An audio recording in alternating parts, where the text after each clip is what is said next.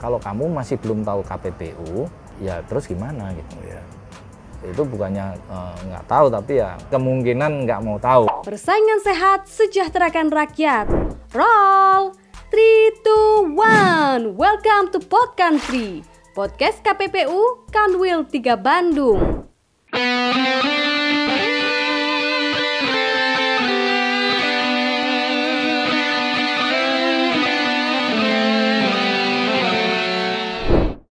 Oke, eh, sobat kompetisi di mana pun anda berada, kembali lagi kita di Pod Country, podcast KPPU Kanwil 3 Bandung. Hari ini eh, tamu kita di Pod Country eh, sangat istimewa. Beliau adalah Pak Sundoro Supringgo. Mungkin Pak Sundoro bisa menyapa sobat kompetisi. halo Pemirsa. sobat kompetisi salam jumpa sama salam kenal Bahasa Jerman dong mas. ah ja hallo äh, ihr lieben guten Tag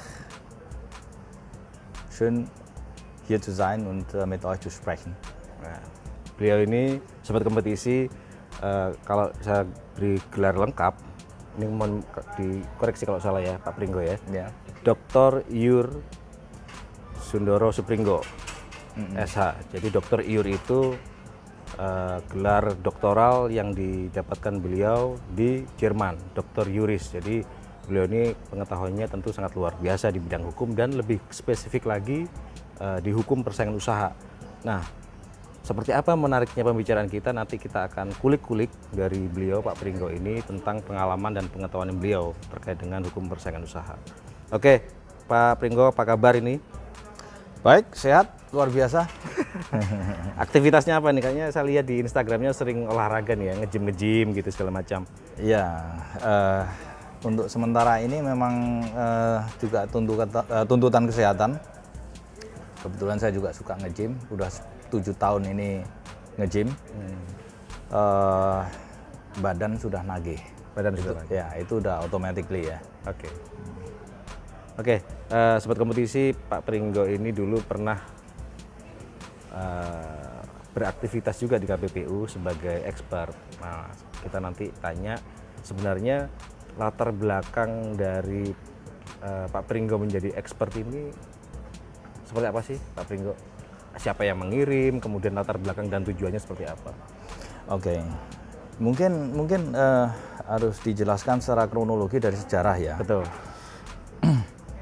Jadi eh, ini eh, mix antara jadi tidak melulu hukum tapi lebih ke politik juga ya. Oke. Kalau kita bayangkan eh, eh, apa ya suasana kejiwaan pada saat Undang-Undang eh, 599 itu di, dibahas, diusulkan dan segala proses sampai itu diundangkan eh, ada tentu banyak peristiwa yang yang secara paralel itu mendukung ya agar itu semua berjalan dengan orang tidak serta merta bicara tentang undang-undang diundangkan kemudian semuanya jalan Pasti ada Tentu proses tidak. politik di situ. Iya, di sana ada proses politik dan eh, kalau politik nasional terus terang saya juga tidak bisa menyampaikan karena saya pada saat itu masih berada di Jerman.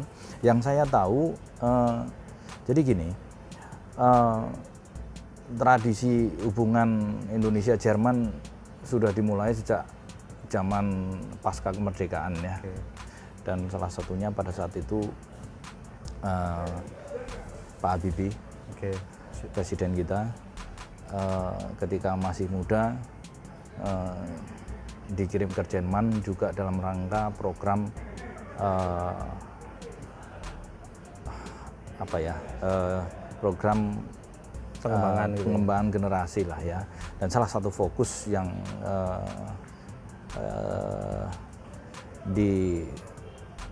diangankan oleh eh, Presiden Soekarno pada saat itu adalah eh, kedirgantaraan. Kedirgantaraan. Nah, eh, secara umum eh, pada saat itu konektivitas atau image bahwa teknologi masa depan pada saat itu adalah Jerman Barat. Jerman Barat. Nah, ada banyak cerita di situ yang kita sebenarnya juga bisa baca ya. Nah, tapi intinya begini, bahwa Presiden Habibie eh, sebagai eh, alumni Jerman atau dididik di Jerman punya banyak network Ya.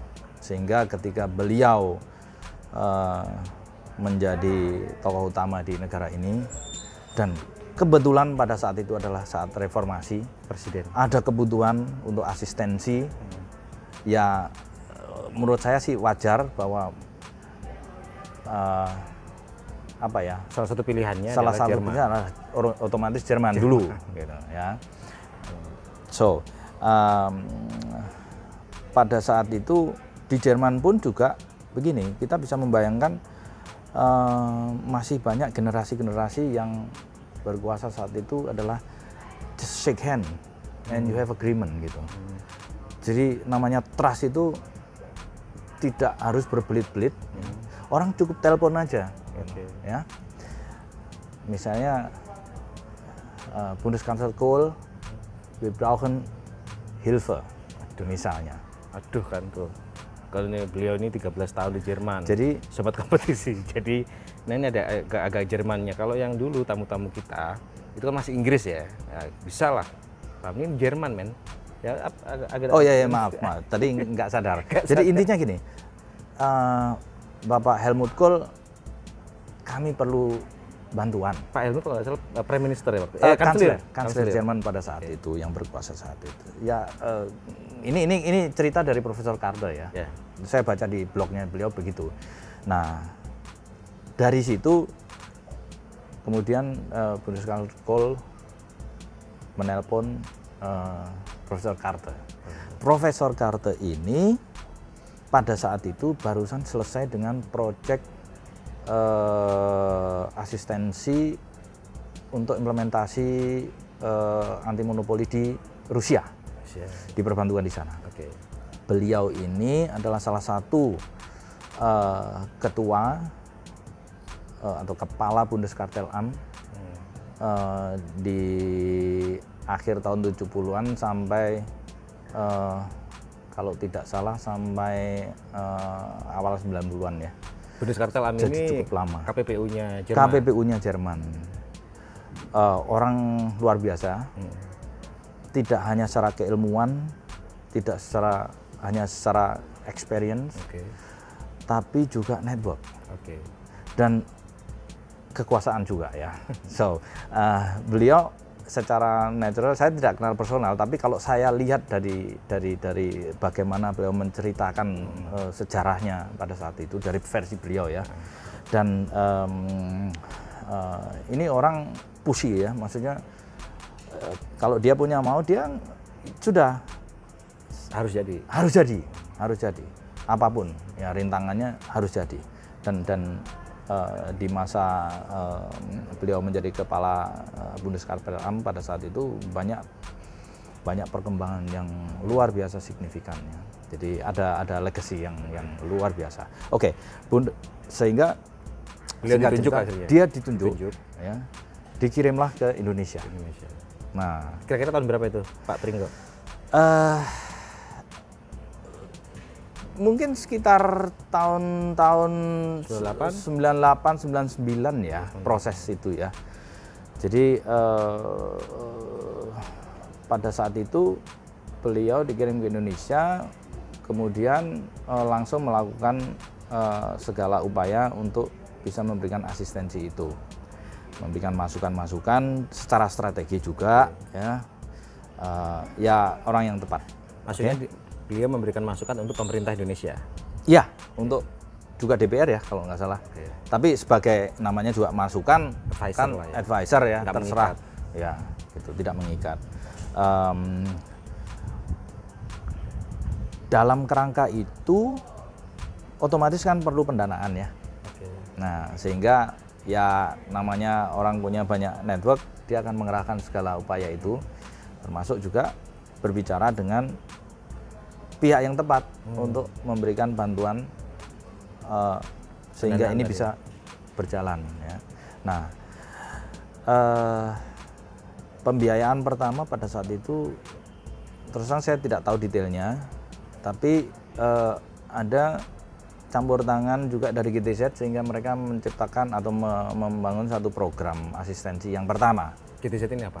GTZ ini adalah German Technical Corporation. Sekarang German eh, International Corporation. Artinya ini lembaga swasta Artinya atau pemerintah? jadi GTZ ini eh, adalah eh, badan dia bentuknya PT tapi nirlaba Oke. yang sepenuhnya dimiliki oleh pemerintah Jerman. Oke. Nah, dia adalah pelaksana segala kegiatan kerjasama seluruh dunia Oke. dan dia bukan satu-satunya, tapi yang terbesar. Terbesar. Ya, so pendanaan dari GTZ ini bisa dari Kementerian Luar Negeri, bisa dari eh, Kementerian Kerjasama Internasional, Semacam BNZ. lembaga donor gitu ya? Bisa dibilang gitu? Lembaga donornya mungkin kalau dalam konteks ini adalah BMZ.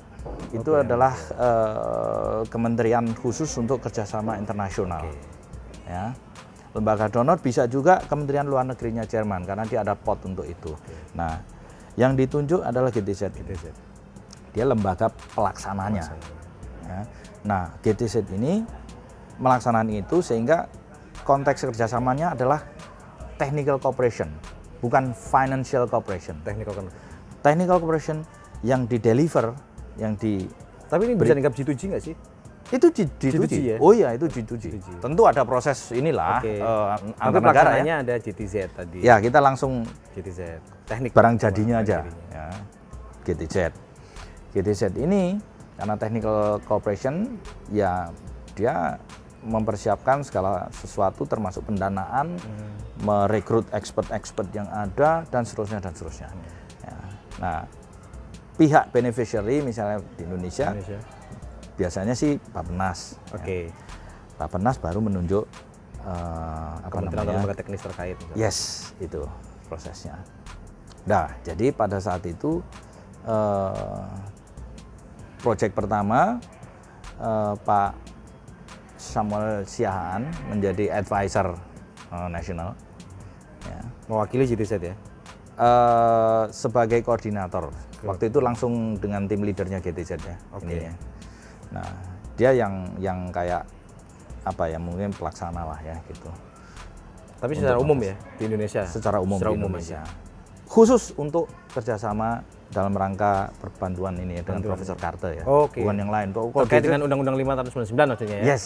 Itu ya. Pak Samuel Siahaan. Iya, Oke. pada saat itu yang pertama. Dia yang memfasilitasi dengan Profesor Carter dan sebagainya. Nah, singkat cerita, setelah itu Undang-Undang 599 Sahkan. disahkan. Nah, kemudian ada banyak hal disahkan iya, tapi lembaganya gimana? Oke. Nah, lembaga pada saat itu kan baru terbentuk. aktif efektif eh, tahun sekitar 2000, 2000. ya. Oke. Eh, dengan segala ceritanya lah ya. So. Nah, tujuan dari proyek pertama pada saat itu fase pertama adalah membantu advisor untuk eh, sampai aktivasi undang-undang Oke. ya. Begitu disahkan sudah selesai dan KPPU dibentuk Bentuk. ya. Tentu ada batch pertama yang untuk komisaris eh, eh, komisioner ya. Betul. Nah, mereka juga di asis ya, untuk eh, belajar memperdalam lagi ya. Bagaimana sih sebetulnya dalam prakteknya? Oke. Nah, otomatis kan ya orang apa ya dibilang belajar apa pun lah namanya tapi yang jelas ada best practice Oke. betul, Ya. Betul. kita nggak perlu belajar dari awal kan nggak mungkin juga Iya. gitu lihat aja biar aja mereka cerita banyak perspektif kalau begini bagaimana apakah itu terkait organisasi eh, organisasinya apakah itu terkait, terkait dengan pekerjaannya substansinya bagaimana menerjemahkan undang-undang itu dalam eh, kasus-kasusnya penerapannya bagaimana argumentasinya bagaimana ya semua masih baru ya Oke. gitu saya bisa membayangkan nah selesai itu proyek selesai eh, ada permintaan lanjutan dan eh, permintaan lanjutan Dari siapa ini yang minta? Eh, Pemerintah. ada pemerintah ya Eh, Soalnya kan biasanya KPPU sudah berdiri kan secara Sudah, organisasinya sudah, ya? sudah. Tapi permintaannya dari KPPU atau dari pemerintah? Atau dari pemerintah Dari pemerintah. Dari pemerintah. ya internalnya biasanya kan dari lembaga kan Iya. ini nggak cukup nih kita masih lagi perlu ini dan sebagainya dan eh, ada banyak pesan-pesan eh, legacy juga dari dari Profesor Carter untuk melanjutkan itu karena pada saat itu kan oke eh, KPPU sudah eh, Berdiri. berdiri, ya sudah mulai bekerja. Nah, tapi kan ya juga nggak cukup. Ini kan masih di develop juga gitu. Betul, betul. Belum lagi nanti gempuran-gempuran dari protester eh, apa dari pihak Kan pelaku kaget ya, usaha. masih pelaku kaget usaha, juga. masih kaget. Soalnya ada apa rezim baru ya. Persis, persis. Nah, juga terkait dengan bagaimana mengembangkan satu lembaga, ya, eh, belajar dari lembaga yang lain, bukan sekedar dari expert universitas atau apa pun, tapi kerjasama dengan eh, apa namanya eh, badan-badan yang mirip dengan KPPU, Oke. competition authorities di negara-negara lain. Oke. Ya. Bagaimana eh, pengalaman mereka, bagaimana ini, nah itu otomatis harus bikin network kan. Oke. Nah, network regional, network internasional. Nah, nah, itu kan semua perlu pembiayaan untuk lembaga yang masih baru, Baru. kan rasanya kan agak berat ya gitu. Bahkan punya ide aja kadang-kadang Iya. agak- Oke. Setelah ada eh, apa? Yang pertama sudah selesai. Kemudian batch yang kedua prosesnya seingat saya sekitar tiga tahunan lah ya mulai dari 2001 sampai 2003, 2004 lah nah 2004 saya datang ke Indonesia dan kebetulan eh, barang itu masih belum matang ini yang batch kedua tapi dari pihak komitmen kedua belah pihak sudah ini nah saya pada saat itu masih bekerja untuk eh, kerjasama Kadin Indonesia Jerman. eh, Jerman bekerja sama dengan Kadin Indonesia. So eh, saya ditarik. eh, kebetulan mereka memerlukan eh, ya Expert. semacam expert ya untuk bisa menggolkan untuk bisa melaksanakan eh, project ini. Ya saya dari awal pada saat itu untuk batch kedua termasuk konsep proposalnya saya yang bikin.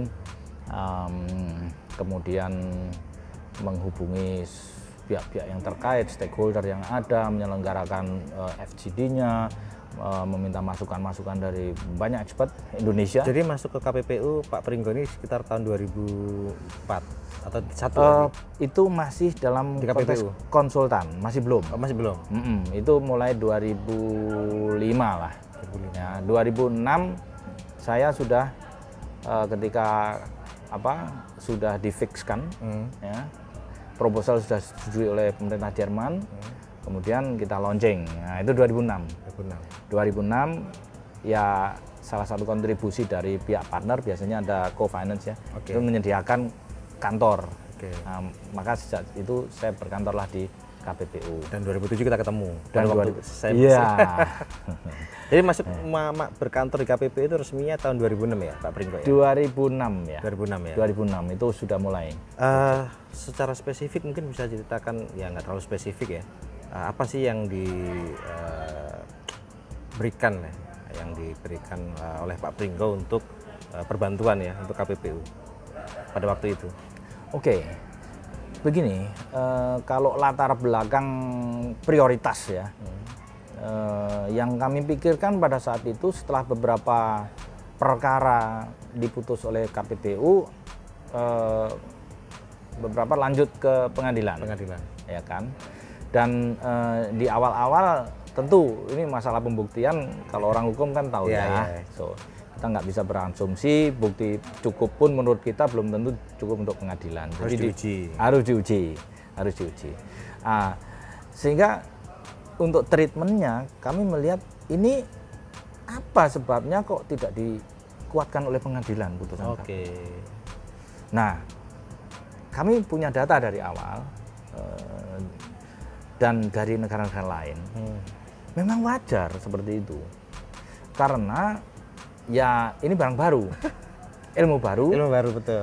pengalaman baru, Termasuk untuk hakim ya? termasuk untuk hakim. Termasuk untuk hakim.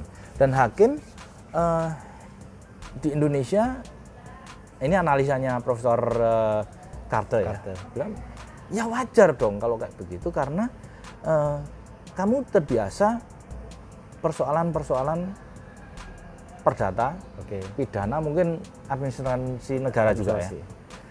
Eh, yang namanya barang baru, kamu perlu penyesuaian, kamu harus belajar. Belajar. Nah, untuk ini sini udah psikologi saya belajar banyak juga dari situ. Eh, apa ya? eh, banyak orang itu umumnya manusia itu kan eh, susah untuk mengakui kekurangan. Hmm. Artinya gini, di Indonesia kamu kalau ada perkara masuk, Hmm. ya hakim wajib untuk Betul, ada azas itu kan. Hakim, Iya kan? hakim tidak boleh menolak perkara. exactly itu.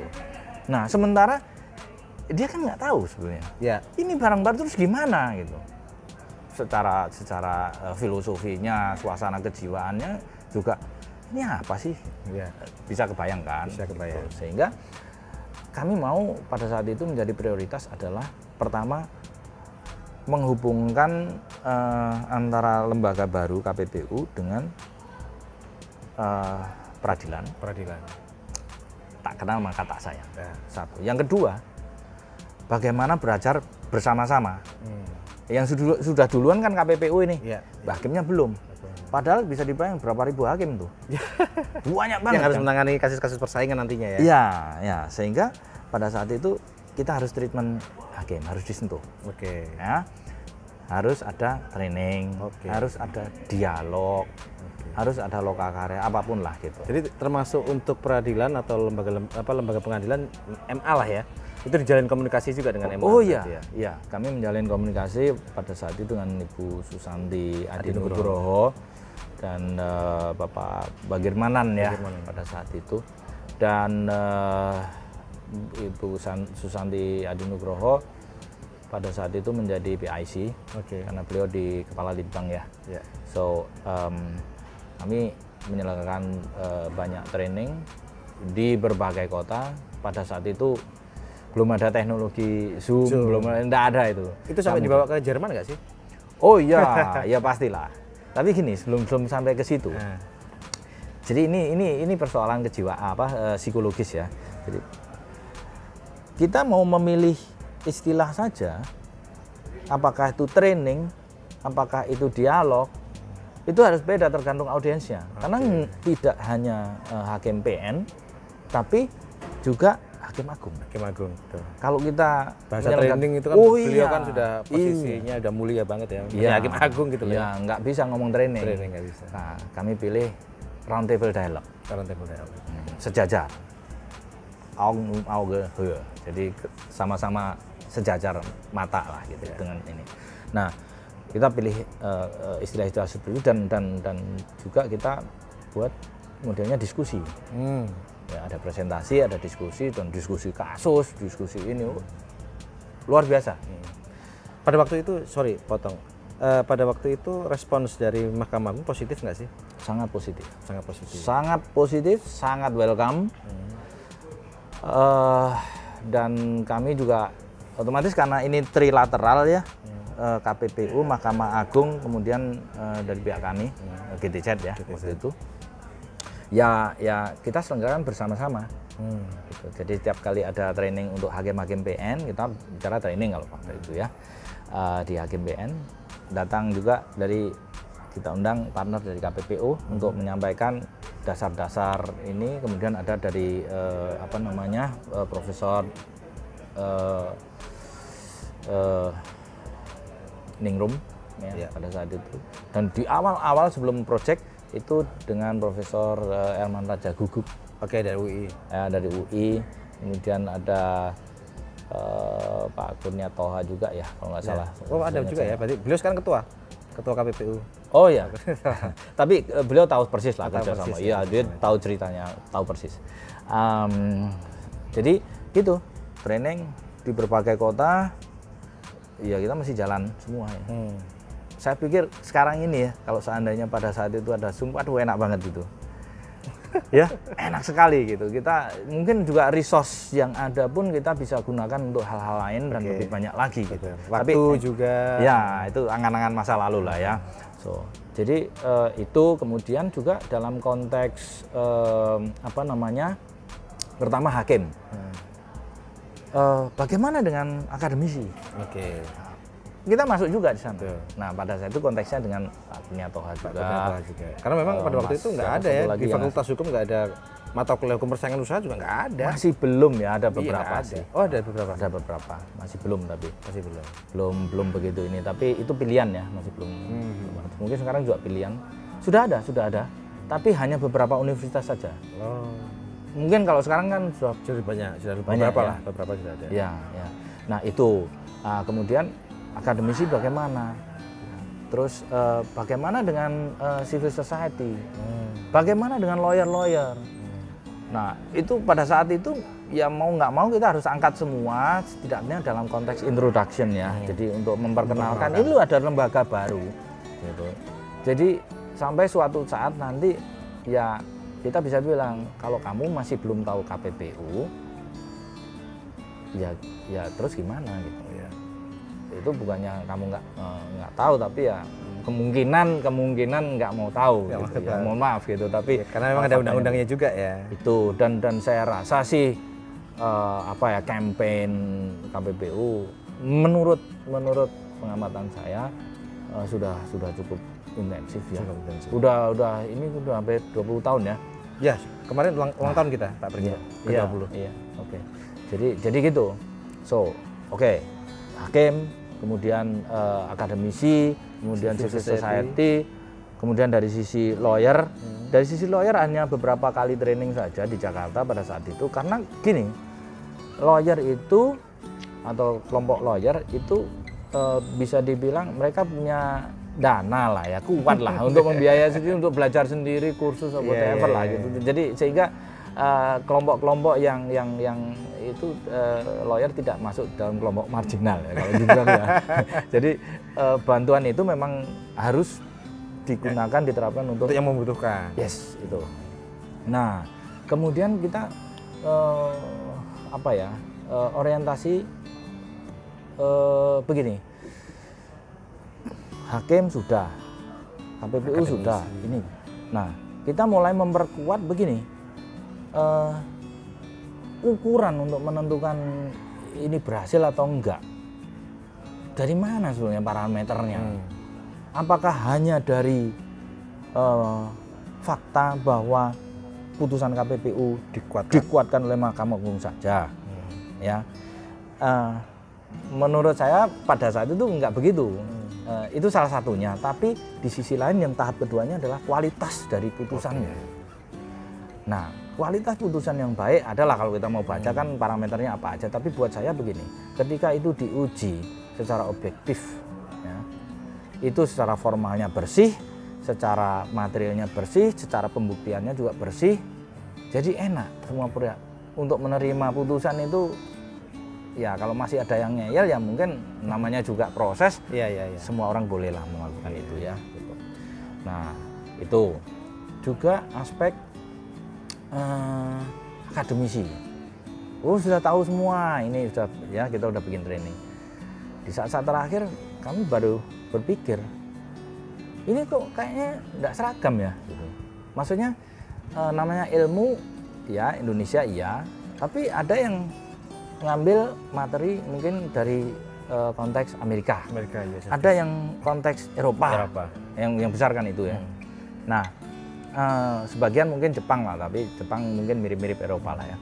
Eh, sehingga kalau misalnya di universitas bukunya apa? Nah, sehingga terpikirkan Bikin textbook kayak gitu. iya kita sepertinya perlu Ya, saya ingat itu bukunya warna hitam ya.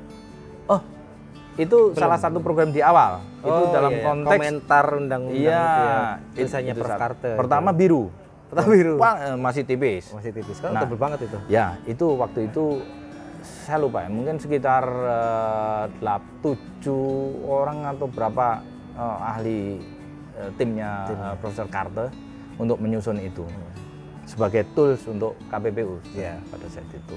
Juga akhirnya digunakan oleh publik dan itu ya mungkin sampai sekarang menjadi acuan ya kayak betul, betul. ini Kayak, kan. kayak buku sakti lah itu.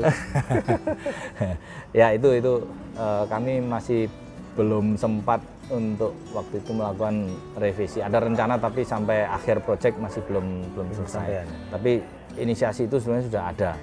Nah, tapi buku ajar pada saat itu eh, kita sempatkan untuk membentuk eh, apa ya tim dari berbagai eh, universitas diwakili oleh profesor-profesor mereka untuk menyusun itu masing-masing bagi-bagi aja tugas silakan. Nah kami yang memfasilitasi itu sehingga terbit yang pertama. Apa hukum persaingan usaha teks dan kontrak? Yes itu dia. Ya. Nah yang yang kedua sudah direvisi tapi kan saya sudah di luar proyek gitu. Oke. Jadi itu Pak Pringgo di KPPU sampai tahun berapa ya Pak Pringgo? Uh, proyek kami berakhir pada saat itu tahun 2009 akhir. Apa namanya? Eh, meningkatkan lah ya pada pada waktu itu ya, meningkatkan apa ka- kapasitas dan kapabilitas kelembagaan KPPU. Kalau menurut saya Proses ya, pasti. ya saya saya saya mencoba untuk objek seobjektif mungkin ya. Jadi saya nggak bawa subjektivitas saya karena saya sebagai tim leader pada saat itu bukan itu.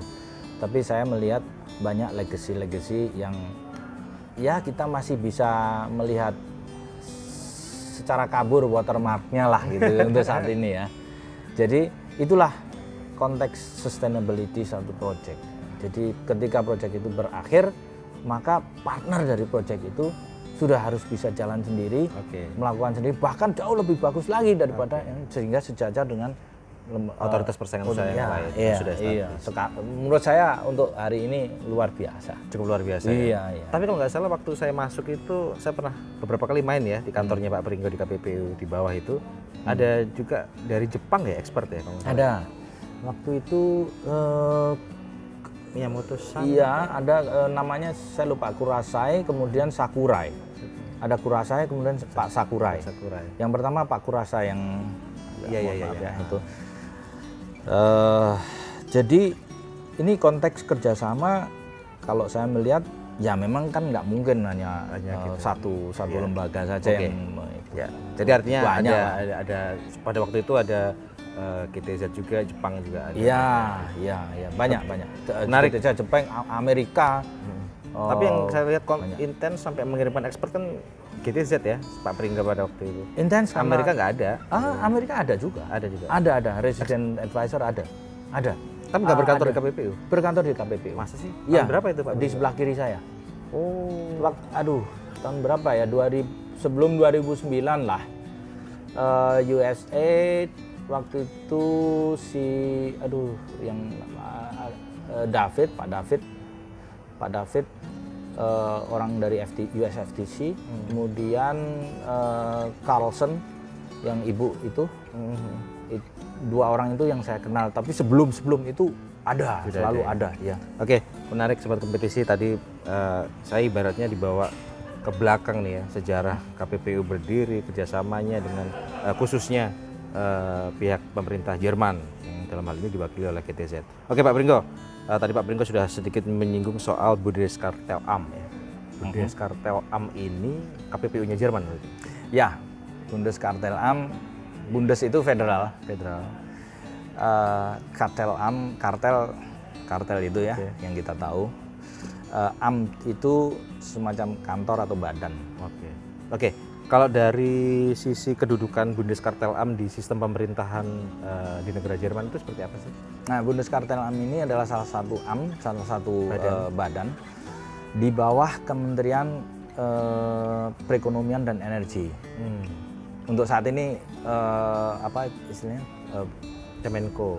eh, namanya itu judul itu eh, judul kementerian tuh namanya itu dia dia bisa berubah-ubah. Tapi Berubah-ubah. eh, tergantung dari eh, apa periode pemerintahannya. Bisa Kementerian Ekonomi bisa Kementerian eh, apa nah yang terakhir Kementerian Ekonomi dan eh, Energi. Ah, tapi berarti dia nggak independen dong kalau di bawah kementerian. oh dia independen. Oh independen. dia independen. Dia badan pemutus dan sangat independen jadi secara secara substansi secara material Hmm.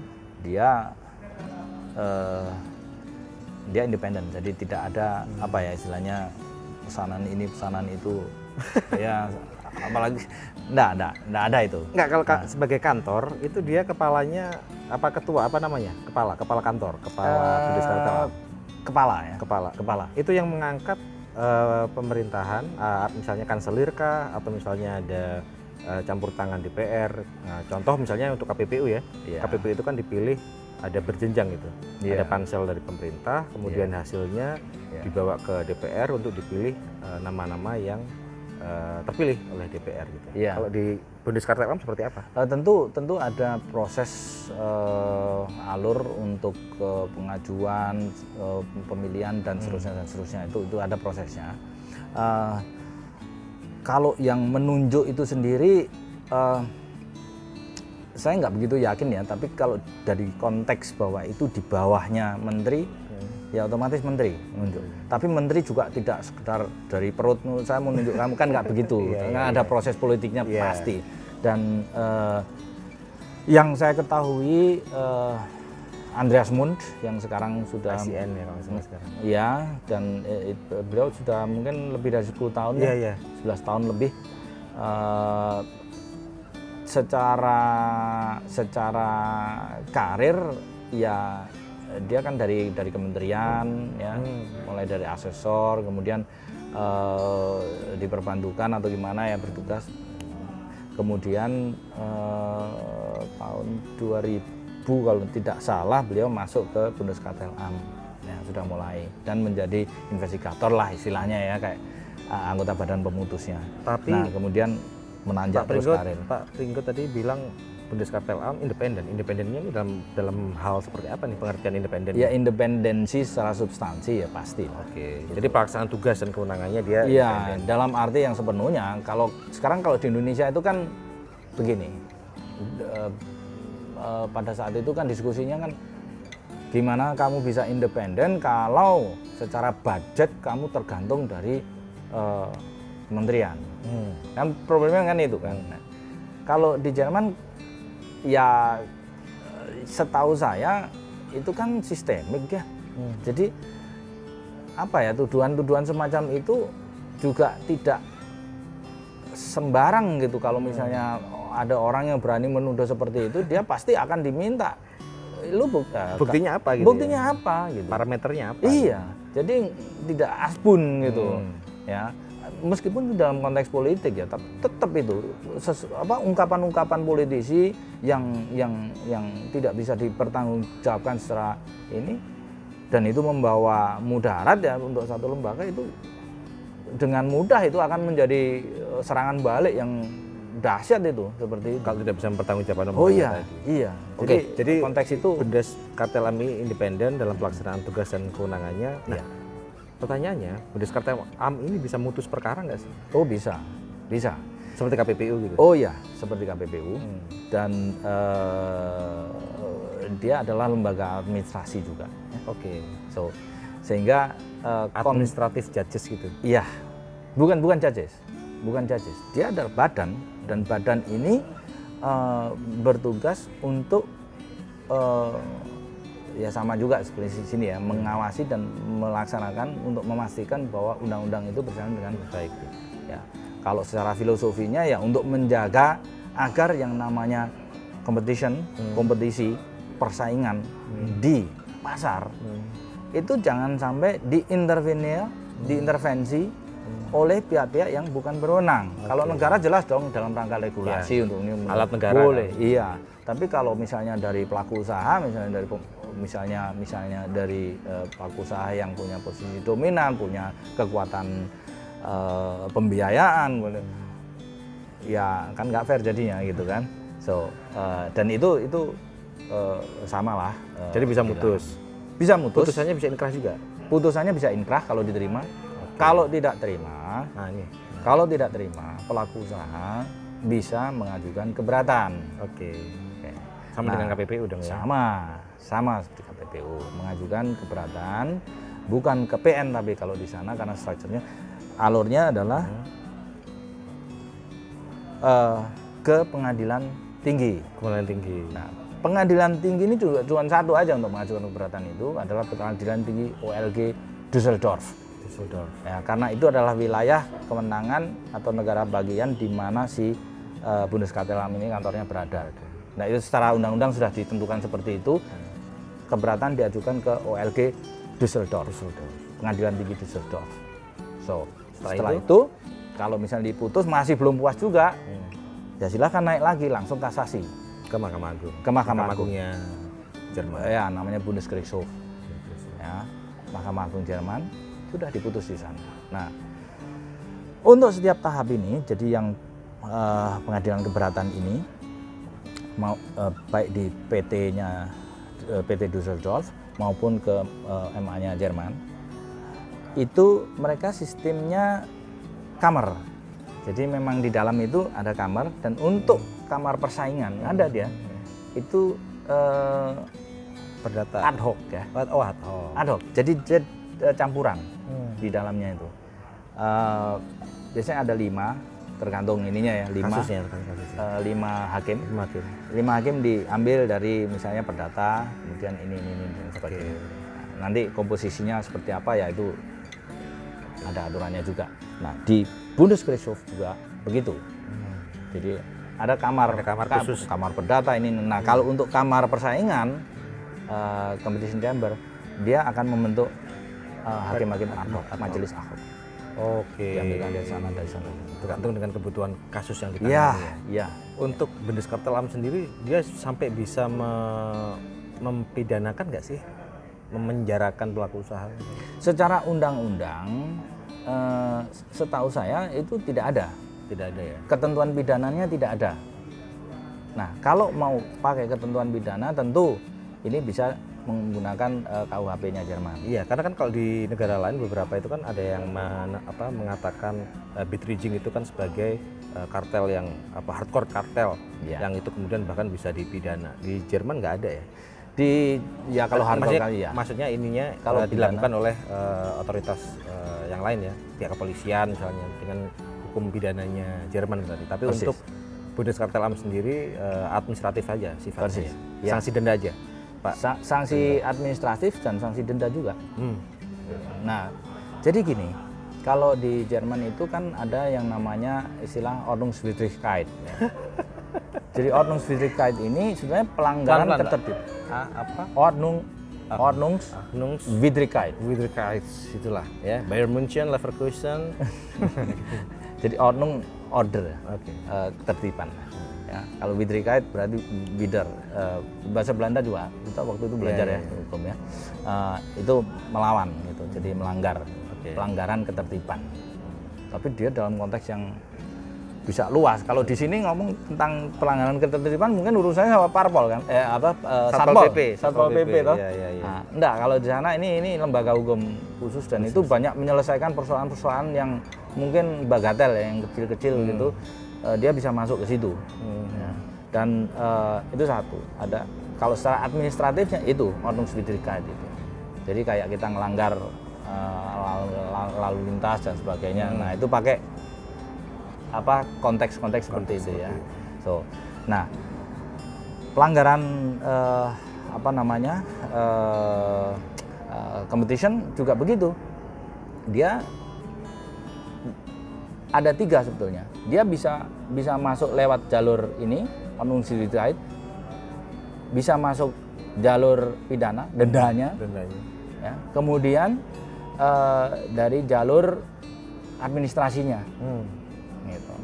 Kalau misalnya blacklist, ya, and so on lah, kayak- kayak gitu-gitu. Itu masuk itu. Kalau Bundeskartel Amt itu sejak tahun berapa sih dia berdiri? Dan sekarang 1959. Oke. Ya. Itu tapi sebelum re- sebelum reunifikasi ya?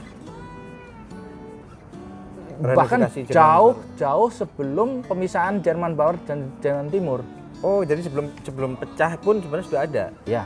Beberapa setelah itu pecah, setelah itu reunifikasi. Oke, se- sejak 1959 ya. Eh, sebentar, sorry, sorry, sorry. Saya ralat ya, bukan, bukan, bukan, bukan itu maksudnya. Eh, jauh sebelum reunifikasi, bahwa pada saat itu ya Jerman Barat, Jerman Timur. Ini kan sejarahnya penjelasannya adalah eh, dari pasca Perang Dunia kan. Iya. Wah ini kita udah ngomong tentang masuk ke filosofinya mereka gitu. jadi jadi gini, pasca Perang Dunia Kedua eh, itu pemenangnya kan sekutu. Betul. Nah, dan Uni Soviet ya, Hmm. Uni Soviet pada saat itu. Mereka begini, eh, mereka secara eh, politik pertahanan Hmm. eh, mengidentifikasi bahwa sebetulnya setelah mereka jadi pemenang ini agar tidak apa menyusun Kembali lagi ke kekuatan. kekuatannya. Nah, untuk pertahanan itu dia mengidentifikasi bahwa yang harus dipereteli Perekonomian, adalah perekonomian dan militer. militer. Karena perekonomian dan militer sebelum itu zaman Hitler ya, Dritte eh, Reich ya, jadi zaman sebelum eh, Perang Dunia, mulai tahun berapa lah, Hitler itu naik tahun 33 ya, itu dia menyusun kekuatan, menyusun perekonomiannya berorientasi untuk Kekuatan militer. kekuatan militer. Betul. Makanya harus pretel. Nah, otomatis kan kartel. Oke, Pak Pringgo menarik sekali eh, diskusi kita dan eh, saya ingin tahu sebenarnya secara umum eh, kalau menurut Pak Pringgo nih ya pengalamannya Pak Pringgo eh, selama ini sebenarnya eh, secara umum hukum persaingan usaha ini bermanfaat nggak sih? Ya, Atau manfaatnya seperti apa sih? ya sudah pasti bermanfaat lah. Kalau kalau kalau angkatan-angkatan seperti saya ini kan yang kami benar-benar ngalamin orde Oh, iya. baru seperti apa Ya, ya, ya. jelas lah ya perubahan itu secara struktural behavioral Jadi kalau di zaman dulu itu sekali. kesempatan untuk berusaha itu sangat terbatas. Oh ya, ya dan dan yang pasti eh begini eh, kesempatan berusaha iya, otomatis kan juga kalau kalau kalau saya ngelihatnya dari secara normatif aja kalau saya mau beli barang itu kan pilihan makin banyak ya. Hmm. Terus eh, kedua juga quality, Oke. ya kan. Zaman dulu adanya mungkin apa ya sepatu eh, mungkin level harga gitu. Kamu kalau misalnya masih SMP ya dapatnya cuma bata, sepatu bata ya kan. Saya masuk SMA sudah pengen sepatu yang Nike atau yang apa kan mahalnya minta ampun kan itu impor dan sebagainya ya. Tapi ya akhirnya dapatnya yang Loto. Ya Loto itu udah udah mewah lah itu. Padahal harganya waktu itu 15.000 saya masih ingat itu nabung sendiri ya. Uh, kemudian juga uh, in terms of uh, gini uh, uh, pilihan-pilihan kualitas harga jauh lebih lebih transparan ya Lebih beragam ini. juga. lebih beragam lebih transparan kita mau ambil yang mana gitu Hmm. ya kalau maunya yang mewah-mewah ya otomatis kamu mesti eh, spending agak tinggi tapi setidaknya yang secara fungsional yang penting kaki nggak lecet nggak penasan dan lumayan awet ya ini nggak ngomong sepatu ya makanan juga begitu ya.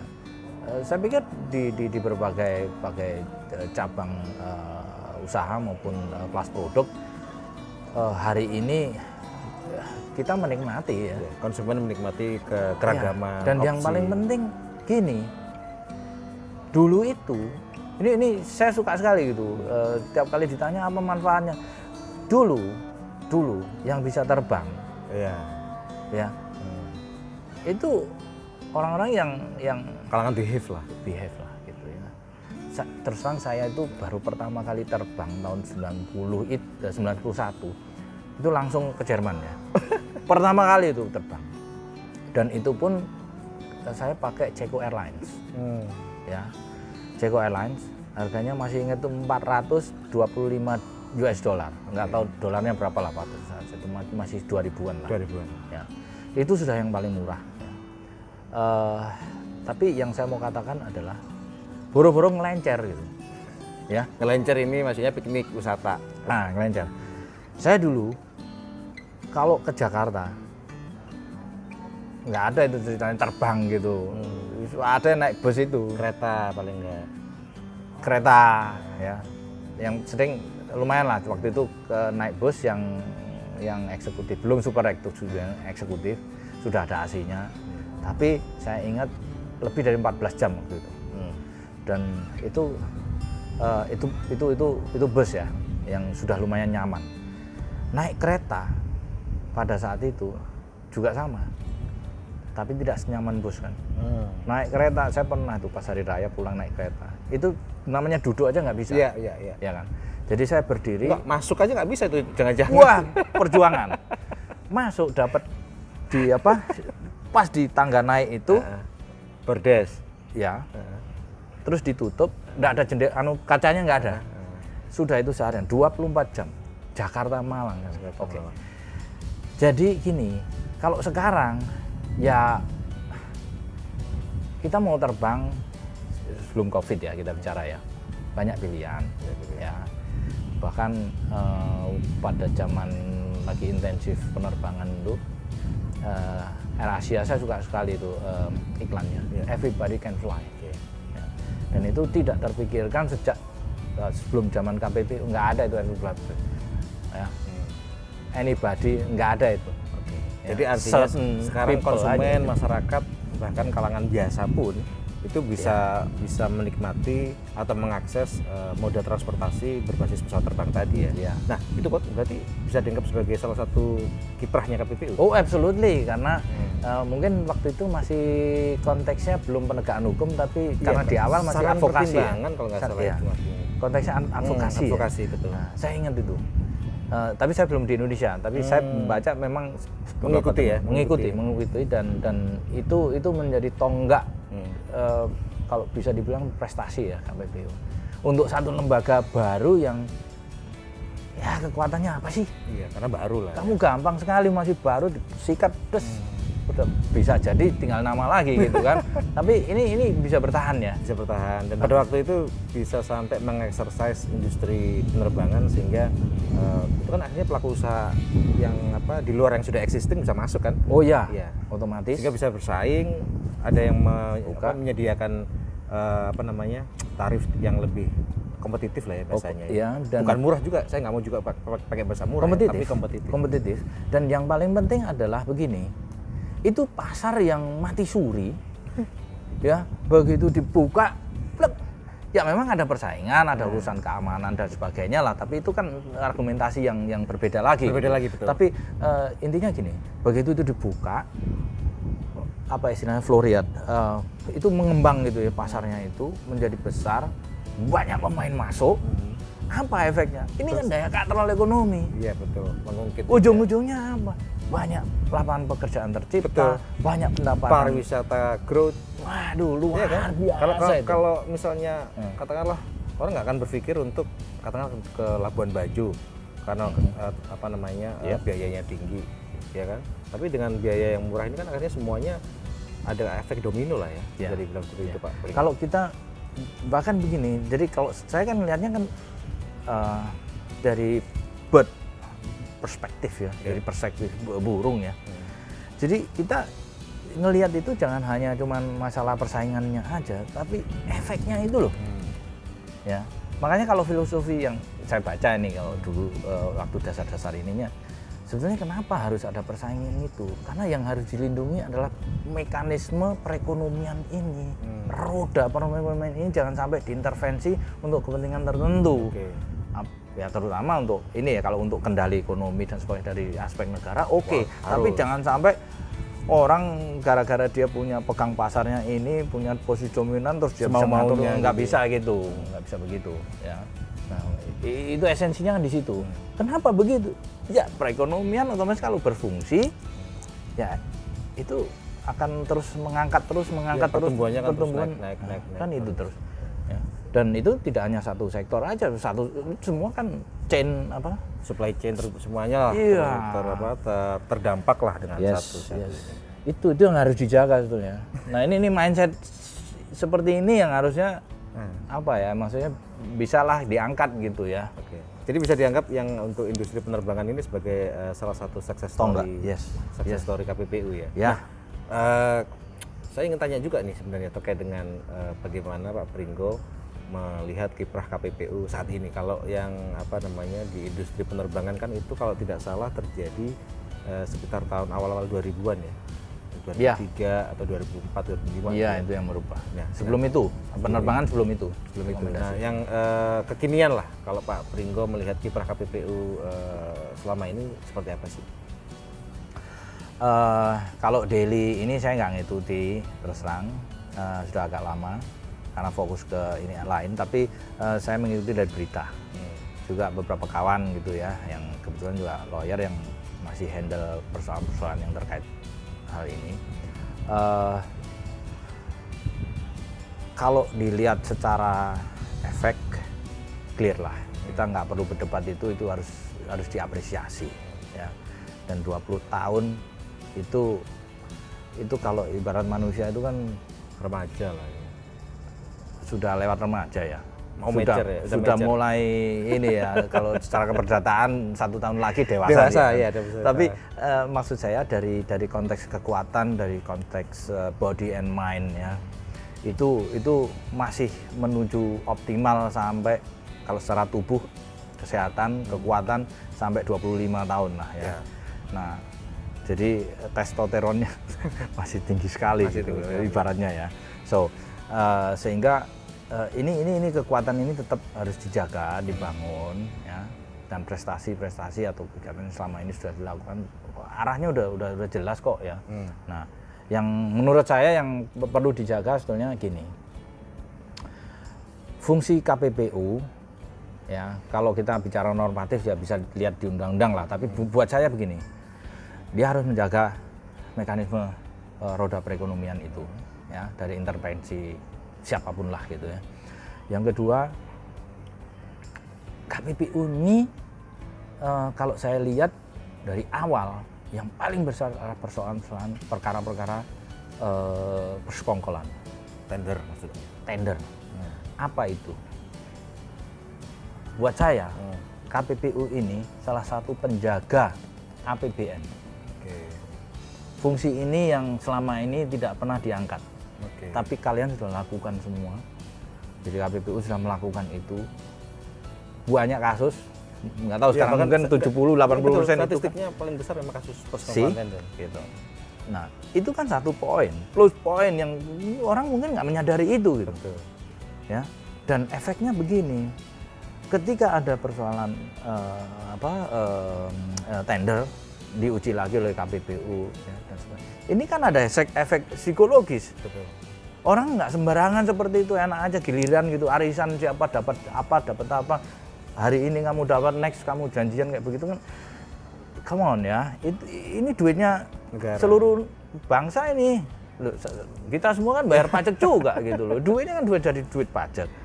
Ya kita harus harus harus apa ya maksudnya? Ini perlu diperjelas perlu diangkat juga gitu Jadi artinya KPPU Fungsi. berperan untuk menjaga efisiensi Oh, iya. penggunaan anggaran APBN yes, itu. yes, faktanya seperti itu kok. Gitu loh. Nah, ini kan satu satu apa ya? Kalau kita mau cari prestasinya yang selama ini nggak pernah dicetuskan, Publikasi cetuskanlah sebagai penjaga APBN. APBN. Nah, luar biasa. Iya kan? Iya, iya, betul. So, Karena memang eh, ketika ada kasus eh, persekongkolan tender kan pasti eh, akan terjadi inefisiensi penggunaan anggaran yang ujung-ujungnya Iya. merugikan persis, masyarakat pada umumnya. persis, persis. Nah, persis. kemudian kalau dari sisi internal KPPU nih atau eksternal KPPU Pak Pringgo, apa yang harus diperbaiki dalam konteks eh, kinerja KPPU misalnya atau dari sisi regulasi? Apakah kemudian regulasi yang eh, saat ini ada itu eh, perlu diperbaiki atau masih eh, relevan gitu untuk di, eh, digunakan? Kan Perkop. un- undang-undangnya kan 99. Oh ya, eh, begini, kalau secara undang-undang eh, apa ya istilahnya untuk pembangunan hukum ya Hmm. dalam konteks itu ya itu udah kekuasaannya DPR lah Dan pemerintah dan pemerintah lah. Tapi pemerintah kan sudah ya sekarang kan sebenarnya bolanya sudah beberapa tahun ini kan ada di DPR dan eh, secara secara pengalaman ini udah bertahun-tahun molor. Saya terus terang ya terus terang udahlah itu jadikan itu bahasan yang lain. Iya. Tapi yang saya mau sorotin di sini sebenarnya secara internal kualitas KPPU kualitas. ya lebih ke situ aja yang yang visible aja deh Hmm, gitu oke. low hanging fruit ya nah eh, Perkom sudah bagus ya Eh, apa namanya eh struktur ya eh, sebagian itu pasti akan terkait dengan eh, undang-undang Oke. tapi undang-undang 5 selama ini kan juga tidak menentukan struktur KPPU harus begini harus begini Iya. begini gini gitu kan nah yang saya selama ini masih eh, apa ya merasa gamang itu mengenai apa ya istilahnya uh, political influence Hmm. ya apa pun bentuknya lah. Apa pun bentuknya. apa pun bentuknya dan dan kita tidak bicara secara detail ya. Iya. itu nggak perlu itu juga. Tapi independensi secara politikal juga. Oke. karena buat saya begini di belakang politisi pasti adalah pengusaha. Ada kepentingan. ada kepentingan ya. Nah eh, apa namanya? Itu yang yang yang perlu dijaga. Untuk membuktikan kita tentu tidak tidak ini ya tapi se- saya melihatnya begini dari proses proses eh, rekrutmen aja yang di eh, DPR gitu ya Ya. itu itu itu kan otomatis ini kan proses politik Ya. Nah, kalau pemilihan komisioner selama ini selalu melalui eh, apa politik begini, menurut saya eh, ya agak sulit untuk berbicara mengenai independensi. Hmm. Ya, yang kedua begini, eh, yang kedua masalah struktur di dalam ya. Hmm. Jadi eh, sekretariat mungkin mungkin bisa ya eh, apa namanya untuk meringankan itu saya nggak tahu sekarang anggotanya berapa. Eh, komisioner. no no eh, secara keseluruhan. Secara keseluruhan sekitar hampir 500 ya, 500-an pegawai. Oke investigator Investigator hampir kalau investigator nggak terlalu banyak. Pak. investigator berapa kira-kira? Investigator itu mungkin hanya sekitar nggak sampai 100 ya. Nggak sampai 100 berarti lumayan dong agak banyak itu. Tapi dengan apa eh, lingkup eh, yang sangat luas kan dibagi ada nah, ada enam kantor wilayah. Oh oke oh itu kan- masuk ya. iya, masuk oh iya iya iya. Nggak maksud saya begini biar biar agak fokus saya nggak tahu apakah itu bukannya copy paste tapi kita bisa ngelirik Jerman itu Oke. ya Untuk benchmarkingnya. ya. Iya untuk benchmarking ya idenya kalau dibuat seperti itu ya itu kan akan meringankan Hmm. eh, investigator juga Seperti apa maksudnya itu? Yang- melirik Jermannya itu maksudnya dalam hal apanya? dalam hal strukturnya struktur. jadi eh, ada divisi-divisi khusus. iya ada divisi-divisi pemutus istilahnya lah Hmm.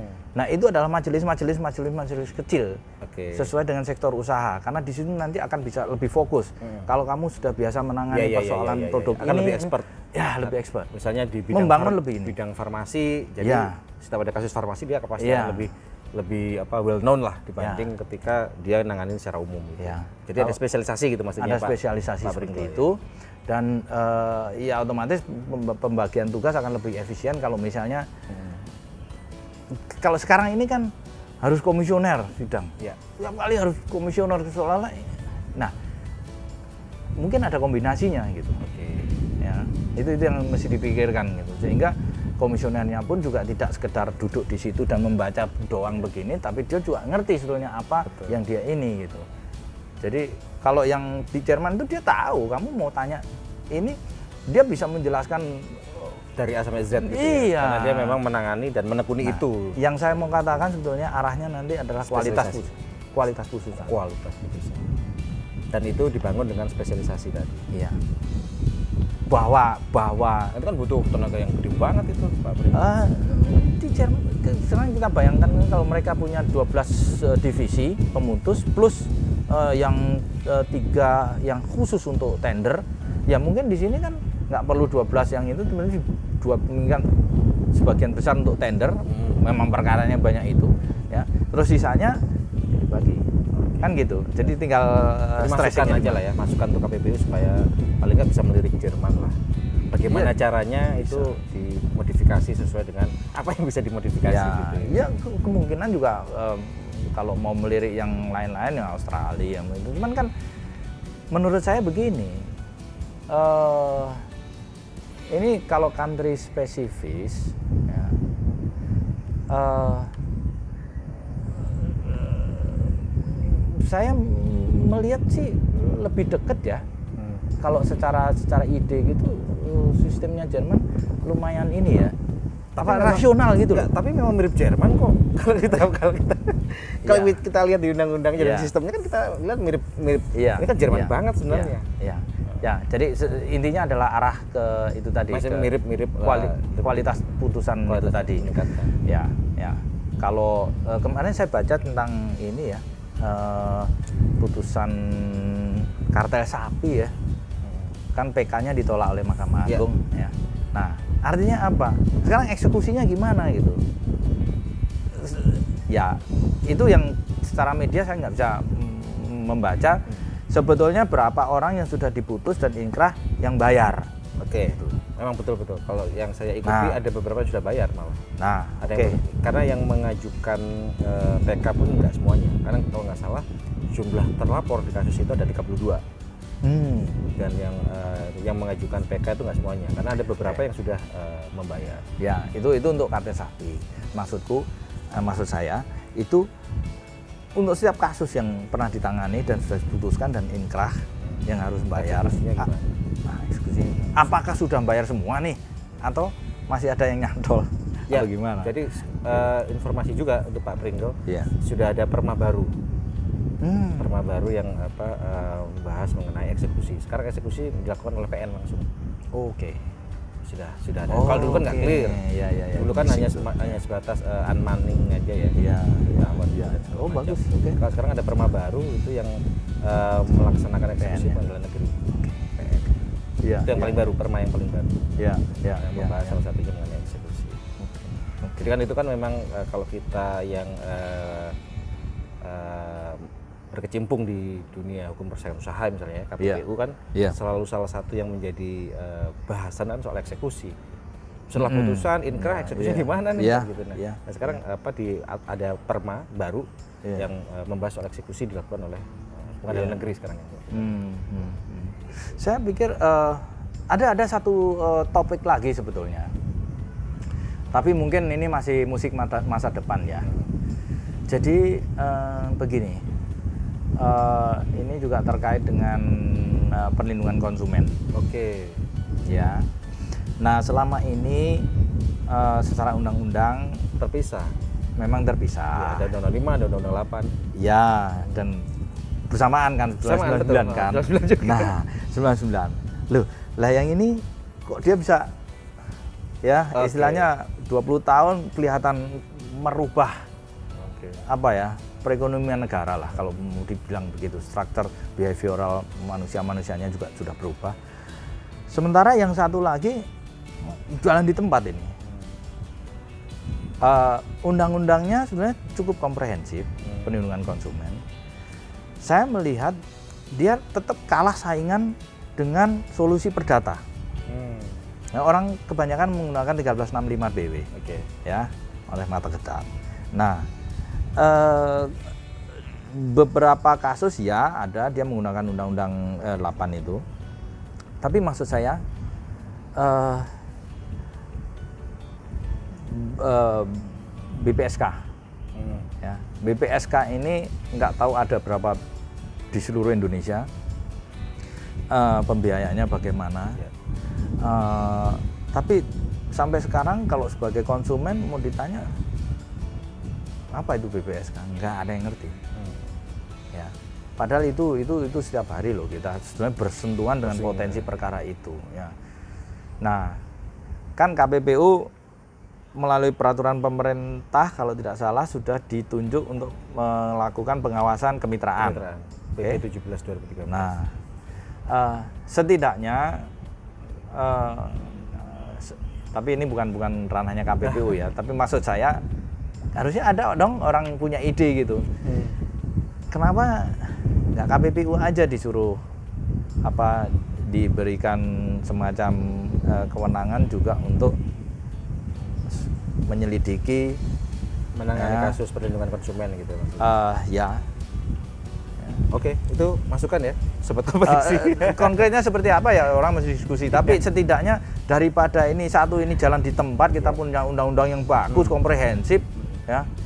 Tapi tidak ada yang membantu gitu loh. Sementara kalau apa ya maksudnya eh, mungkin kalau persoalan yang remeh-temeh nilainya kecil dan sebagainya mungkin nggak menarik gitu. Tapi ada sebetulnya eh, yang sifatnya itu komunitas gitu yang dirugikan banyak eh, eh, apakah itu em, dana haji yang waktu itu ya. Eh, bukan dana haji maaf. Eh, apa? Yang travel itu.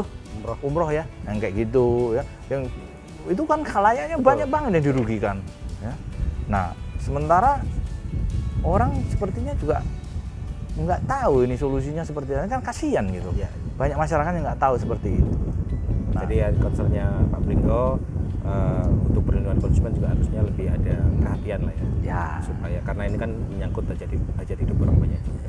Oke, sobat kompetisi ini diskusinya menarik, cukup panjang, banyak eh, insight, banyak eh, pencerahan yang diberikan oleh beliau Pak Pringgo.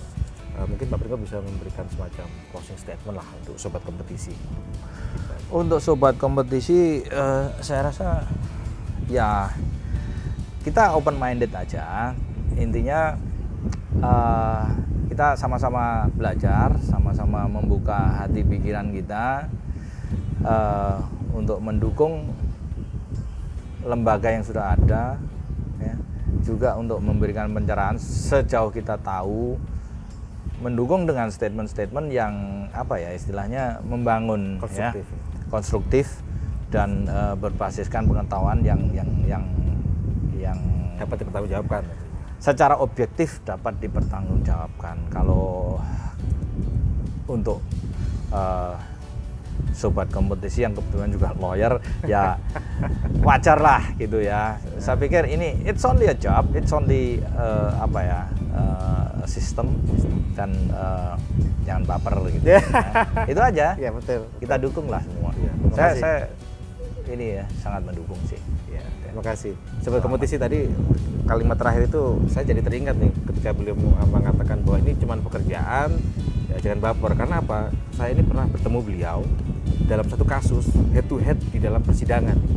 Beliau menangani satu kasus eh, terlapor dan saya mewakili KPPU sebagai investigator penuntut. Keras banget pada waktu itu kasusnya ya, Pak Ya. Pringgo ya. Kita Oh, ya. berdebat luar biasa keras, tapi ya tadi beliau eh, luar biasa dari punya ini eh, hanya soal pekerjaan dan jangan baper. Oke, terima kasih Pak Pringgo Sip. atas waktunya. Eh, semoga sehat selalu di masa pandemi COVID. Demikian sobat kompetisi, eh, pemirsa eh, Pod Country, podcast KPPU Kanwil 3 wilayah Bandung. Eh, nantikan video-video Pod Country berikutnya. Wassalamualaikum warahmatullahi wabarakatuh. Terima kasih. Terima kasih. Indonesia merah darahku putih tulangku bersatu dalam semangatmu ke biar ke.